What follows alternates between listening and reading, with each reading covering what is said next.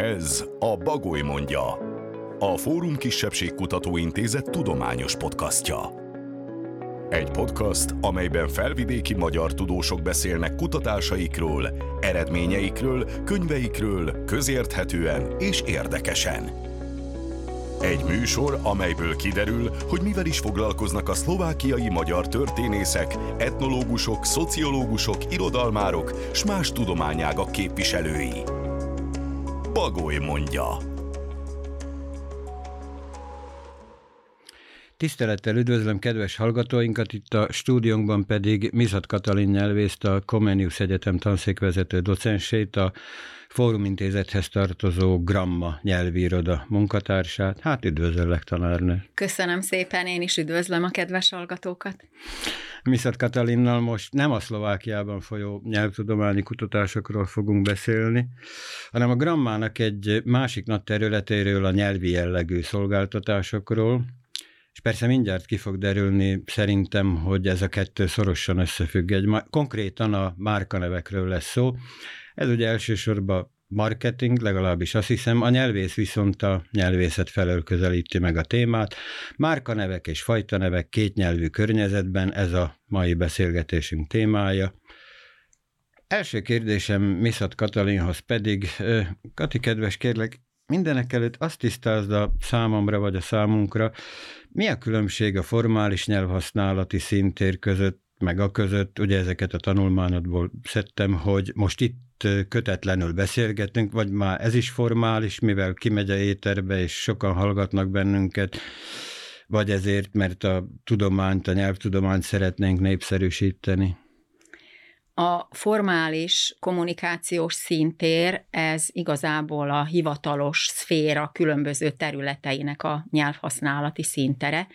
Például a közigazgatás nyelvhasználata ide tartozik, az uh-huh. igazságszolgáltatás nyelvhasználata, az oktatás vagy az egyházi élet nyelvhasználata is, de mindegyiken belül megkülönböztetünk még ilyen kommunikációs szinteket, és példaként talán az igazságszolgáltatást választanám, ha két ügyvéd beszélget egymásról, egymással egy tárgyalásról, amelyikre Igen. készülnek, akkor mind a ketten jogi végzettségűek, szakkifejezéseket használnak majd, valószínűleg latin eredetűeket is, hiszen a jogi nyelvben sok a latin eredetű szakkifejezés, valószínűleg olyan igéket, amelyek tipikusak az igazságszolgáltatás nyelvhasználatára, a jogi nyelvre, és valószínűleg a mondataikat is ilyen bonyolultabban szerkesztik majd, mint mi a mindennapi nyelvhasználatban. Ha az ügyvéd a saját kliensének, aki, aki, akit védeni fog például a tárgyaláson, beszél arról, hogy mi minden vár rá, és ez a kliens nem jogi végzettségű, akkor valószínűleg már kevesebb lesz a szakszó, megpróbálja ezeket körülírni, egyszerűbben szerkeszti a mondatokat, de az is előfordul, hogy két kliense vesz részt ugyanazon a tárgyaláson, akik majd a tárgyalás után megbeszélik a történteket, egyikük sem jogi végzettségű, valószínűleg szinte szakszavakat nem is használnak majd, egyszerű, beszélt nyelvben szerkesztett mondatokat választanak vannak. Talán így tudnám a különbséget uh-huh. leginkább meghatározni.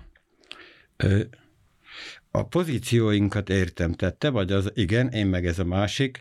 Most akkor mondhatom-e azt például, hogy ezután a beszélgetés után én elmegyek és veszek, mondjuk nem azt fogom mondani, hogy roskenyér, se azt, hogy rozsos, hanem mondjuk, hogy viráskovi kenyeret, azt így neked mondhatom, vagy csak neked mondhatom, vagy most az éterbe inkább nem mondjam. De mondhatod nyugodtan, mert a szlovákiai magyarok, legalábbis akik boltba járnak, és ilyen kenyeret vesznek, azok érteni fogják, hogy miről van szó Sőt, lehet, hogy azt nem tudják, hogy ez igazából roskenyér vagy rozsos kenyér a viráskovi hlieb Igen. esetében, hogy mi lesz a magyar megfelelő, az attól függ, hogy mit szeretnének az európai szabványok, mert hogy az európai termékszabványok nyomán minden Európai Uniós országnak készítenie kellett élelmiszerkönyvet. Tehát például Magyarországon Aha. már 2003-ban vagy 4-ben elkészült az első, és azóta már két újabb változata is van. Szlovákiában 2013-ban készült el az első.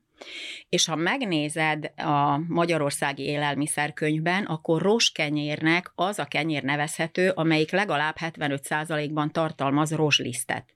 És ha ennél kevesebb százalékban, akkor az már csak rozsos kenyér lehet. De természetesen Értem. ez csak a kereskedelmi forgalomra vonatkozik. Nem hiszem, hogy Magyarországon a vásárlók, fogyasztók többsége különbséget tesz a roskenyér vagy a rozsos kenyér között. De ha azt kérdeznéd, hogy a viráskovi fliebnek mi a magyarországi Igen. kereskedelmi forgalomban Igen. használt megfelelője, az a rozsos kenyér lenne. Értem. Ha azt kérdeznéd, hogy hogy tudjuk azt megnevezni, akár Magyarországon, akár itt mi fogyasztók, magyarul. akkor roskenyérként Értem. neveznénk meg magyarul, de ha te azt mondod nekem, vagy otthon a családban, hogy te viráskovi kenyeret ennél Igen. leginkább, akkor, és megértik, hogy mit szeretnél, akkor teljesen rendben lesz. Igen. Hát megértik, de förölni fognak, én ismerem a feleségemet. Szóval akkor mondod ezt az élelmiszerkönyvet, ennél fontosabb, hogy Szlovákiában mindenféle törvények, szabályok vannak arra vonatkozóan is, hogy mit tudom én, egy termék csomagolásán, vagy magán a bolton, vagy a röplapján, vagy a honlapján lehet-e magyarul, vagy, vagy hogyan lehet, vannak erre valamilyen szabályok? Hát fontosabbnak nem mondanám ezeket a törvényeket, de tény, hogy vannak. És beszélhetnék még a csehszlovák, közös csehszlovák állam Igen. idejéből keletkezett ilyen fogyasztóvédelmi törvényekről, mert van olyan, amelyik még most is érvényes, de leginkább az államnyelvtörvényre szeretnék rámutatni, a 95-ös államnyelvtörvényre, mert hogy az minden formális, tehát hivatalos területét az életünknek szabályozza, és nem kedveskedő módon, hogy azt mondaná, Igen. hogy a kisebbségek nyelvét itt is, ott is lehet használni, hanem korlátozó módon. És amit a különböző termékekkel kapcsolatban mond, az az, hogy államnyelven meg kell jelölni ezeket. Most 92-ben az Európai Parlament elfogadta a regionális vagy kisebbségi nyelvek európai kartáját, és ennek van egy olyan cikke, azt hiszem a 13 amelyik a gazdasági élet területével Igen. foglalkozik. A gond az, hogy igaz, hogy Szlovákia ratifikálta jóval később, de ez egy ajánlás, ez nem törvény jellegű az uniós tagországok számára, úgyhogy olyan ajánlás található benne, hogy azt ajánlja azoknak a hatóságoknak, akiknek a hatáskörébe tartoznak az, a, mondjuk a kereskedelem különböző területei, tehát a boltok is, hogy a, a termékek nevét illetően a kisebbségi vagy regionális nyelvek használatát bátorító tevékenységet uh-huh. folytassanak. Hát én nem találkoztam ilyen bátorító tevékenységgel, pedig jó néhány éve foglalkozom terméknevekkel, amikor szó szerint elmentem boltokba, beszéltem Igen. boltvezetőkkel. De el tudok képzelni olyat, hogy ez mondjuk egy ilyen helyi szinten valamilyen módon megoldható legyen. Például kérdezett, hogy bolt neveket esetleg ki lehetne Igen. írni magyarul. Hát például a helyi önkormányzatok, ha támogatnák azt, hogy mondjuk az, aki boltot szeretne nyitni, írja ki két nyelven, magyarul és szlovákul Igen. is a boltja nevét, és azt mondanák, hogy mi ebbe beszállunk. Egy ilyen kétnyelvű cég tábla elkészítésébe beszállunk anyagilag. Vagy azt mondanák, hogy azért, hogy minden két hétben mondjuk az akciós termékeket két nyelven hirdessétek meg, emiatt nektek mondjuk kevesebb hulladékdíjat kell befizetnetek az önkormányzat kasszájába. Én ezt el tudom képzelni, de persze az én szempontomból tudom, nem tudom, hogy erre tudnak-e pénzt szerezni, van-e pénz, átcsoportosítható-e pénz, ezt nem tudom. Értem. Jó, tehát van egy 92-es nemzetközi ajánlás, hogy bátorítsanak minket, vagy bátoríthat, bátorítsanak minket, és van egy 95-ös nyelvtörvény, hát amelyik ugye nem igazán minket bátorít. Jó, Kati kedves, most te a márka néven kívül mindenféle más neveket is megkülönböztetsz, hogy cégnév, árunév, és így tovább, akkor ebbe tegyünk röviden egy pici rendet, mondjuk amivel én jöttem, mármint nem az autóban, hanem ami rá van írva, és az van ráírva, lenéztem, hogy Skoda Fábia, most ez a harmadik, ez nem szlovák szó, úgy hangzik, hogy Ambition, és akkor szerintem vagy Ambition, vagy valami hasonló lehet, biztos, hogy nem francia, szerintem angol. Tehát ebben a Skoda Fábia Ambitionban melyik név micsoda, mit nevez meg? Igen, én nem szeretném mutatni semmiképpen a kedves hallgatókat, meg téged se azzal, hogy most elmondom a szakterminológia közötti összefüggéseket, de mindenképpen azt kell mondjam, hogy nem egységes a márkaneveknek a megnevezése a nemzetközi szakirodalomban sem, egyáltalán nem, de nem csak az egyes országok vagy egyes kutatók között, hanem még ugyanazon ország márkanevekkel uh-huh, foglalkozó igen. kutatói között igen. se. De ha konkrétan ezt kérdezed, ezt az autónevet, akkor egészen biztosan tudom mondani, hogy itt a márkanév az a Skoda. Igen. Ami ebben az esetben megegyezik a cégnévvel, Igen. mert hogy ez egy családi névből keletkezett cégnév, és ezt jegyeztette be márkanévként is a Skodát. A Fábia ambíción azt nevezhetjük a különböző kutatók által használt szakkifejezések szerint akár árunévnek, akár terméknévnek, akár típusnévnek is, sőt, még az ilyen műszaki cikkek esetében, mint ahová az autó is sorolható, még nevezhetjük gyártmánynévnek is. Értem. De vannak olyan kutatók, például egy finn kutató, Paula Sjöblom, aki márkanév kutatással foglalkozik régóta, aki azt mondja, hogy ha ez a terméknév, vagy árunév, vagy típusnév, ez több elemű, akkor általában a második elem az valamilyen motivált elem, fantázia névnek is nevezhető. Például itt ez lehet ez az ambíción, amit nem tudom, hogy mit gondolt a gyártó, hogy ambiciózus sofőröknek készítette Pontosan ezt a Skoda igen. Fábia típusú autót. Igen, szerintem ez lesz, amit mondasz, kedves Kati. Ismertek engem, és akkor azért írták ezt rá. Értem, köszönöm Valószínűleg szépen. igen, engem is nagyon jól ismertek. Hát akkor most fordítsuk figyelmedet, a, figyelmünket a kutatásodra. Ez ugyanis a márka és a fajta nevek szlovákiai magyar megnevezéseit vizsgálja, nem az én autómat. És ez ugye, hogy részben szlovák kifejezéseket használunk, ha beszélünk, ez szerintem azért kicsit logikus olyan szempontból, hogy próbálok ilyen megértően fogalmazni, hogy ezeket látjuk, olvassuk a boltba, az élelmiszerboltba, sőt, ha szlovákul kell ugye kérni, akkor más megoldás nagyon nincs is. Tehát akkor az a konkrét kenyér kézenfekvően viráskovi, hogy ha már ezt tolakodtam előre, jogurtot jobban szeretem. Tehát viráskovi, nem pedig roskenyér, vagy ahogy te közlöd a, a standard magyar megfelelőjét, és mondtad is itt, hogy rozsos kenyér. Hogyha megfelel annak a százaléknak, de hát ha rá van írva, akkor nyilván megfelel. Kérdésem, sok ilyen kölcsönszót használunk, és nem csak hangosan, hanem írásban is? Igen, sok kölcsönszót használunk. A szóbeli megnyilatkozásokban is, írásban inkább azt mondanám, jobban figyelünk, attól függ, hogy hová írunk. Például Igen. a sajtóban újságírók nyilván, ha nem tudnak valamit megnevezni, mondjuk egy napilapban, és nincs idő arra, hogy ők most feltegyék a kérdést egy közönségszolgálatnak, és megvárják a ráérkező választ, akkor inkább azt választják, hogy körülírják valamiféleképpen magyarul, nem írják le szlovákul. De például, ha közösségi online felületeket megnézed, ahol én igazából csak így szoktam kutakodni, de, de nem vagyok sehol, Igen. akkor ott azt veszem észre, hogy ott lazábban fogalmaznak a posztolók, és igen, leírnak, írásban is használnak szlovák kölcsönszavakat. Nem biztos, hogy éppen terméknevekkel kapcsolatosat, de általában is beszélhetünk a kölcsönszavaknak a használatáról. Uh-huh. A, a joghurttal kapcsolatban, ha arra kitérhetek, ahogy említetted, hogy jobban szereted, szer- igen, köszönöm. akkor ö, épp arra mutattam rá ebben a cikkben, hogy ö, Szlovákiában, ha lefordítjuk valamelyik terméknek a nevét, de bárminek mondhatnék ö, a közigazgatás területéről Igen. is különböző szavakat, akkor általában többféle változatban jelennek ezek meg. Nem egyféleképpen nevezzük meg Igen. őket magyarul. És ez természetes, mert hogy egyrészt ö, például a boltokban, ha egyáltalán fordít valaki, akkor nem egy öm, hatósági vagy hivatalos fordítót kérnek fel, Igen. mert általában nincs arra pénz, hogy azt megfizessék. Igen. Valakinek azt mondják, hogy fordíts le, te tudsz szlovákul is, tudsz magyarul is, ő megpróbál valamilyen szótárat keresni, hát pehje van, mert hogy nincsen jó, vagy nincsen használható, modern középszótárunk se, nem hogy szakszótárunk. Igen. Ha megnézzük az iskolákat például, öm, ahol eladókat képeznek, szakácsokat, cukrászokat képeznek, Kevés olyan van, amelyik csak magyar tannyelvű, egyáltalán a szak tankönyveik nem is magyar nyelvűek, tehát Igen. nincs hol megtanulják őket. Vagyis valahogy lefordítja úgy, ahogy tudja, vagy gondolja.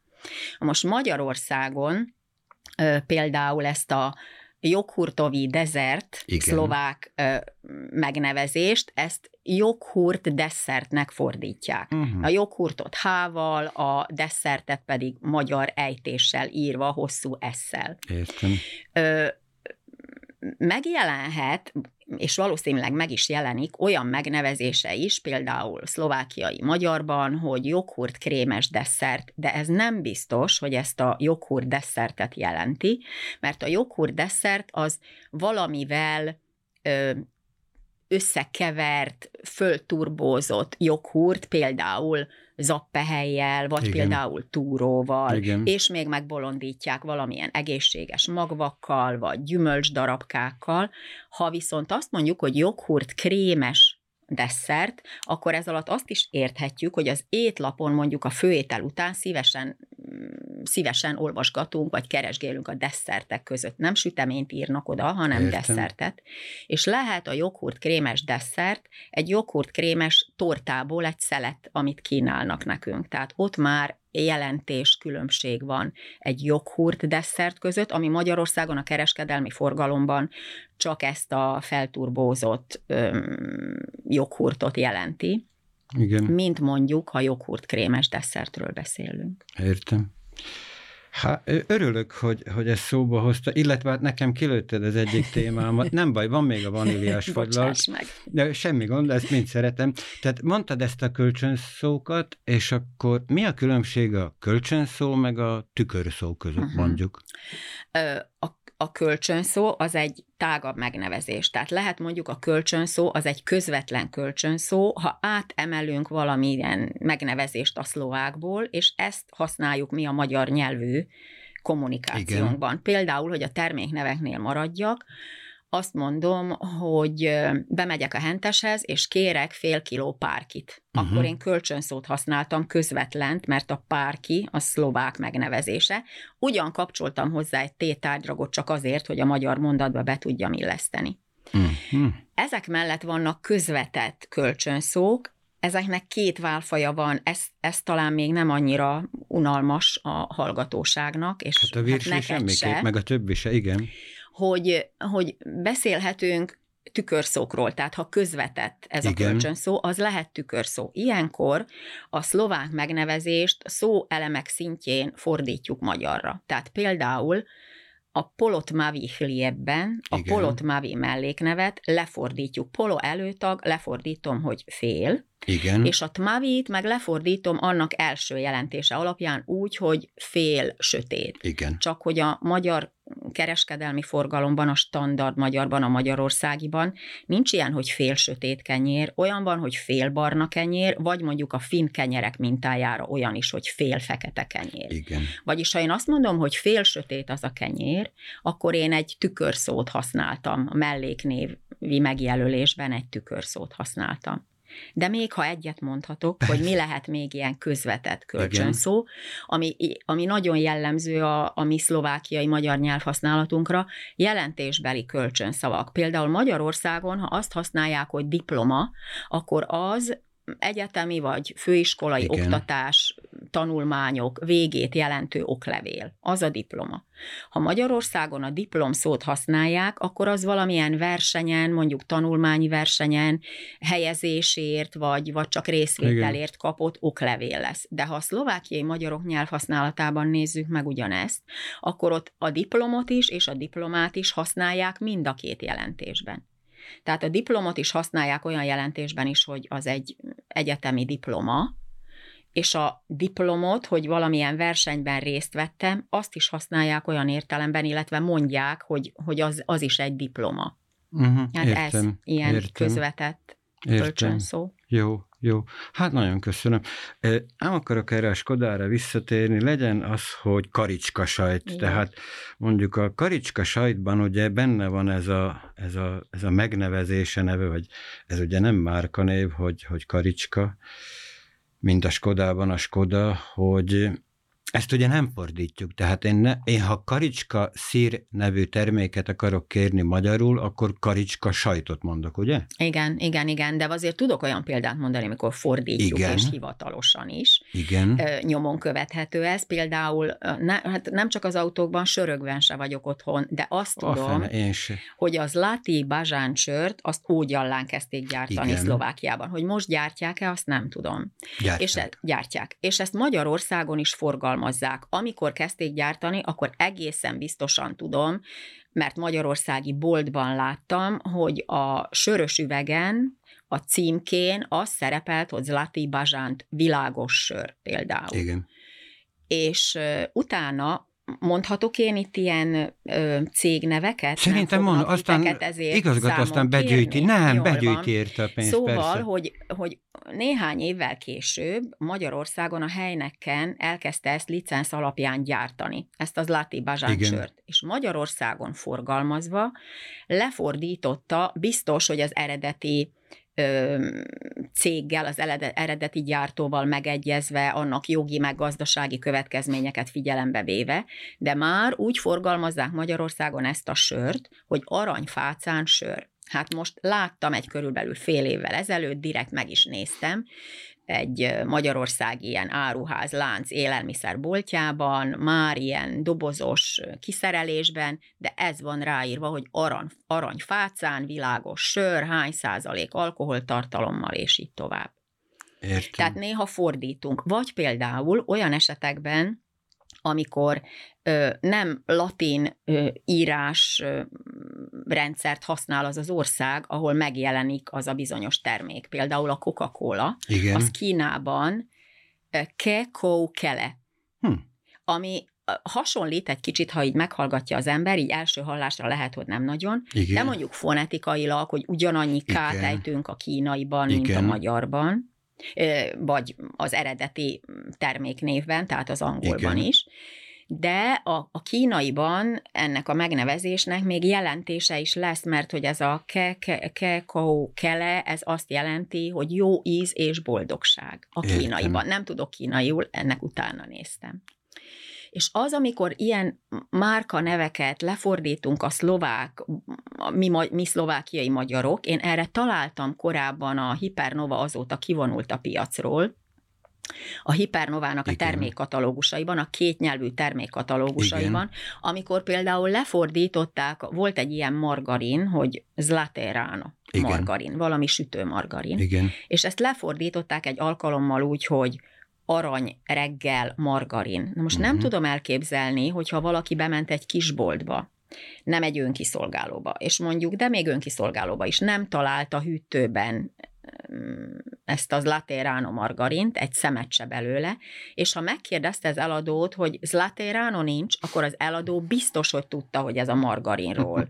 Igen szól, margaréra vonatkozik ez a kérdés, de ha azt kérdezték volna tőle, hogy arany reggel nincs, biztos vagyok benne, hogy egyetlen egy se tudta volna. Uh-huh. Tehát, hogy érdemese, hogy lefordítsuk, uh-huh. vagy ezt a csert, viráskovi flieb, Igen. fordítsuk le úgy, hogy ördög kenyér, mert Igen. ilyenre is volt példa mondjuk a, épp a Hipernova termékkatalógusában, ahol, ahol inkább azt tudjuk elképzelni, nem arra gondolunk, hogy ezt a csert igen.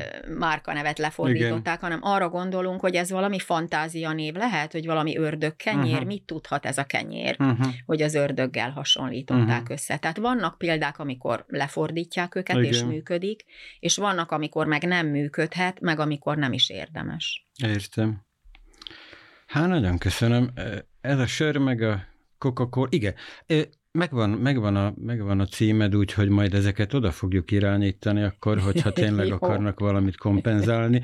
Én, én ezt a, ezt a csirkemájat szoktam venni, és azt tapasztalom, hogy, hogy többes számban mondja a szlovákiai magyar, nem mindegyik, de van ilyen, tehát én azt gondolom, hogy ezek, ez, ez a szlovák, mint indoeurópai nyelv, ez ugye, hogyha egyet mond, akkor az még egyes számban van, aztán onnantól Igen. fölfele már minden többes számban van, tehát vázsene, banáni, állottaládám, meg, meg, meg bajicska, meg szóval többes szám az egész, és a csirke már is így van, tehát mennyire gyakori a, a szlovákiai magyarok esetében ez a többes szám használata, ami a magyar nyelvtől azért, azért jelentősen el, eltér, vagy, vagy, és csak szlovák hatásra alakulhatott hát, ez ki? indoeurópai nyelveknek a jellegzetessége, hogyha azonos vagy hasonló dolgokat nevez meg, és abból több van, hogy akkor többes számba teszi a főnevet is, és ezzel mondjuk előtte álló melléknév is többes számú. Például Peknázsena, de ha már ketten vannak, akkor Peknézseni. Igen. Vagy ha ennél maradunk, hogy oda teszünk egy egynél ö, nagyobb számnevet, akkor már, már a, a, a szlovák a főnévben is utal a többes számra, azt mondja, hogy Dvezseni, tridomi, és így tovább, Igen. míg a magyar a főnevet egyes számban hagyja. Tehát nem indoeurópai nyelv lévén, finnugor nyelv révén a, az, az előtte álló számnév jelzi azt, hogy több, de a főnevet uh-huh. nem tesszük többes számra. Igen. A termékneveken viszont, hogyha megnézed csomagolásokat, tehát veszel akár hűtött, akár mélyhűtött csirkemájat, Igen. akkor azon az lesz a terméknek a neve, hogy kurácie Prissia mondjuk, hogyha mel vagy pecsienki, igen. Pecsienki, bocsánat. Igen. Kurácie pecsienki, vagy kurácie sztyehná, és így tovább többes számú lesz. Igen. Most pont ebben az, az emlegetett Hipernova termékkatalógusban ezt rendszeresen a magyar megnevezésben is többes számban használták. Tehát, hogy azt írták rá, hogy csirkemájak, csirkecombok, pulykanyakak, és így tovább. Magyarországon nem találsz olyan terméket, ami ezt többes számban Igen. használja.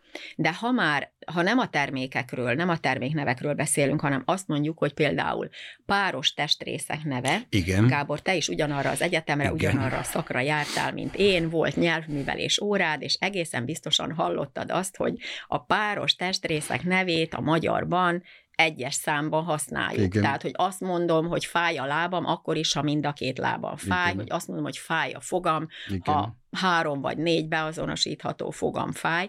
Vannak olyan szociolingvisztikai kutatások, amik alátámasztják azt, hogy még a szlovákiai magyarok is, inkább a szlovákiai magyarok megkérdezett szlovákiai magyarok többsége is azt mondja, hogy igen, igen, ilyenkor egyes számba kell használnunk a páros testrészek nevét. De nem hiba, egyáltalán nem hiba, se, se helyesír, se nyelvhelyességi, se nyelvművelés szempontjából nem hiba, ha valaki azért használja azt, hogy fájnak a lábaim, mert tényleg mind a két lába fáj. Miért Igen. ne fájhatna? Igen. Vagy fájnak a fogaim, miért ne fájhatna? Igen. Több foga is egyszerre. Igen. Na, ilyen elárosítóhoz jöjjön be a kedves vendég azzal, hogy arany reggel, de hát ugye ilyenkor már az este se arany. Jó, kedves Kati, itt azt írod a tanulmányodban, te cikknek nevezed de tanulmány, hogy és akkor ezt föl is írtam magamnak, hogy a többségi nyelv hatása a kisebbségi anyanyelvhasználat minden szintjén és minden változatában, így a helyesírás területén is megfigyelhető. Erről beszélgettünk most, mostanáig. Így az utolsó vagy utolsó előtti kérdésem, hogy lehet ezt valahogy szorgalmazni, hogy kevésbé legyen ez megfigyelhető, mondjuk, mm, mondjuk formális szintéren, kint a nagyvilágban, és főleg írásban, vagy nem kell ez ellen tenni, vagy amit említettél, hogy odafordul az illető laikus fordító valamilyen szolgáltatóhoz, nyelvihez, e, e, ez rendelkezésére áll tényleg? Hát igazából a grammának már olyan nyelvi szolgáltatása, amelyik rendszeres lenne, tehát hogy lenne egy nap mondjuk Igen. minden héten, amikor ott ülünk telefon mellett, vagy a számítógép mellett, és azonnal válaszolunk, vagy megpróbálunk azonnal válaszolni.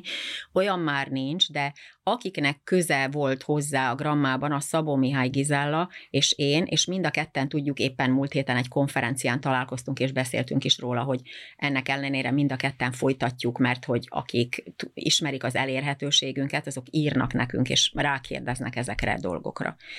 A kérdés másik felére válaszolva, hogy kell ezt egyáltalán erőltetni, mondjuk, hogy legyen magyar megnevezésük, hát például a terméknevek esetében jó lenne, hogyha a szótárakra utaltam már, hogy nincsenek, Igen. nem lehet szótárat írni egyik percről a másikra, de jó lenne, hogyha szójegyzékek, szlovák-magyar szójegyzékek készülnének, mint ahogy készültek mondjuk a közigazgatás számára, tehát például a, a domináns, stb. igen, igen, igen van, domináns igen. magyar lakta területeken, igen. vagy például, hogy készült egy éppen Szabó Mihály Gizellának köszönhetően egy oktatási igen. szlovák-magyar, amelyik a, a, az Oktatási Minisztérium honlapján olvasható. Jó lenne, hogyha készülnének, és én lehet, nem akarok ígéretet tenni, de lehet, hogy majd jövőre éppen a Fórum Kisebbségkutató Intézet szárnyai alatt működő gramma kutatás, az, az pont erről fog majd szólni, hogy már az összegyűjtött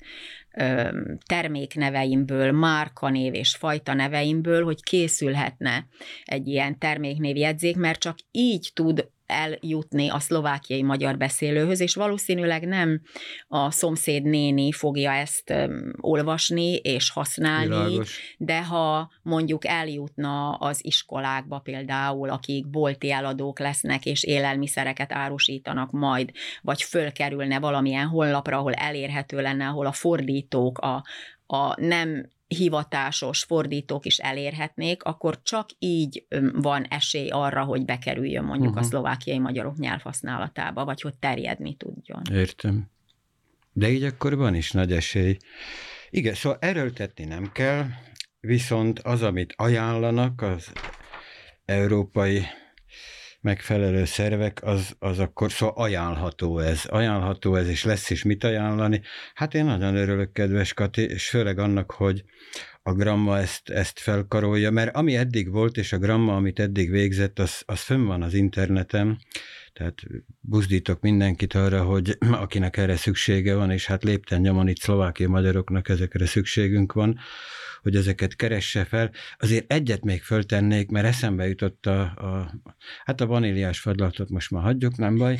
A, ez a kukkónia tej, tehát itt te említetted ezeket a márkaneveket, meg hogy, meg hogy esetleg fordíthatjuk, a karicskát mondjuk, nem világos. Igen. Tehát a kukkónia, amelyik csalló közé, és most itt ülünk, és magyar termék, hát a nevében is az, és hosszú óval írjuk, ugye a kukkók, ez szlovákul miért kukkonia? Tehát szerinted miért rövidült meg? Miért rövidítette meg a gyártó? Szerintem, szerintem azért, mert egyrészt a, tehát Szlovákiában árusítja főként Igen. és a termékeit, és nem is csak a magyar területeken, hát magyar területeken is, de Pozsonyban is találkoztam vele például, és a szlovákban sokkal jellemzőbb az, hogy a magánhangzó ilyen tulajdonnévi tőszókban rövid, mint, mint Igen. hosszú, és lehet, hogy gondolkodik abban is, hogy esetleg Magyarországon kívül más európai országokban is terjeszteni, és ha megfigyeled a márkaneveket, nemzetközi szinten, de szlovák márkaneveket is, bár jellemző éppen a karicskára, hogy mellékjelet használnak, Igen. de azért olyan márkák esetében, amiket külföldön forgalmaznak, uniós országokban vagy máshol, ott elhagyják ezeket a mellékjeleket, és az ékezet is mellékjelnek minősül. Én ezt tudom elképzelni. Uh-huh. Remélem lesz majd rá lehetőségem, hogy mivel Dunaszerda helyhez köthető ez a márkanév, hogy megkérdezzem őket ténylegesen. Hát nagyon kedves a drágakat, én meg köszönöm a végtelen türelmedet, hogy, hogy erre a sok bugyutaságomra ilyen, ilyen okosan válaszoltál. Nekem még eszembe jutott, mondod ezt a rövidülést, hogy ugye szegény szlovákoknak, de hát ne fogalmazzunk így, mert azt akartam mondani, hogy nincs olyan mm, szavuk, amelyik hosszú óra végződne, de rögtön eszembe jutott, hogy a magyaroknak meg olyan nincs, ami rövid óra végződne, tehát ez a kukkó tulajdonképpen, akkor én, ha mondjuk egy szlovák embernek azt mondom, hogy találkoztam egy csaló közül, akkor nem azt mondom neki szlovákul, találkoztam egy kukkóval, hanem mondjuk, hogy stretolszom kukkó, kukkó, Ilyen röviden a végén, és akkor már, már benne is vagyok ebben a márkanévben? Hát szerintem nem fogod azt mondani ö, szlovákiai magyarként egy szlovák embernek, hogy találkoztál egy kukkóval, meg én nem is, a, a kukkó az, az békanév, tudod Gáborom, Igen. ugye? Tudod, hogy a az, hangja. A, a hangja pontosan, nem, nem békanév, bocsánat, hanem békának a hangja, és ebből keletkezett ez a kukkónia, hogy így nevezték e, ezt a ma csalóköznek nevezett tájegységet, de abban az esetben, hogyha te tényleg ezt mondanád egy szlovák embernek, akkor mm, nagyon valószínű, hogy hozzá kellene tenned azt, hogy ho, mert te személyre gondolsz világos, ebben az esetben. Világos. Hát én ott Pozsonyban össze-vissza fogalom. Ez, ez egyértelmű. Köszönöm szépen, kedves. Hát te Dunaszerdehelyi vagy, úgyhogy neked ezt nem fog kelleni sokat gyötrődnöd rajtad. Nagyon szépen köszönöm a tisztelt hallgatóknak, nézőknek is, hogy figyelemmel követtek bennünket. Miszat Katalinnal beszéltem a márkanevek és a fajtanevek kétnyelő környezetben témájában. Várjuk a önöket két hét múlva is itt a Bagoly mondjában, a Fórum Kisebbség Kutatóintézet podcastjében. Két hét múlva Nagy Ildikó lesz, ő beszélget Bukowski Lászlóval, szerintem igen érdekes témáról. Mit rejtenek az STB, tehát ez a titkos szolgálat iratai a szlovákiai magyarokról? Nagyon szépen köszönöm megtisztelő figyelmüket a viszonthallásra. Szervusz, kedves Kati! Én is köszönöm. Szervusz! A Fórum Kisebbség Kutatóintézet tudományos podcastja a Bagoly mondja szólt. A podcastot a Kisebbségi Kulturális Alap támogatja. A következő részt két hét múlva hallhatják az Apple, a Google, a Spotify alkalmazásán, illetve a Fórum Intézet podcast oldalán. A sorozatunkról és a Fórum Kisebbség Kutató Intézetről a fóruminst.sk oldalon tudhatnak meg többet.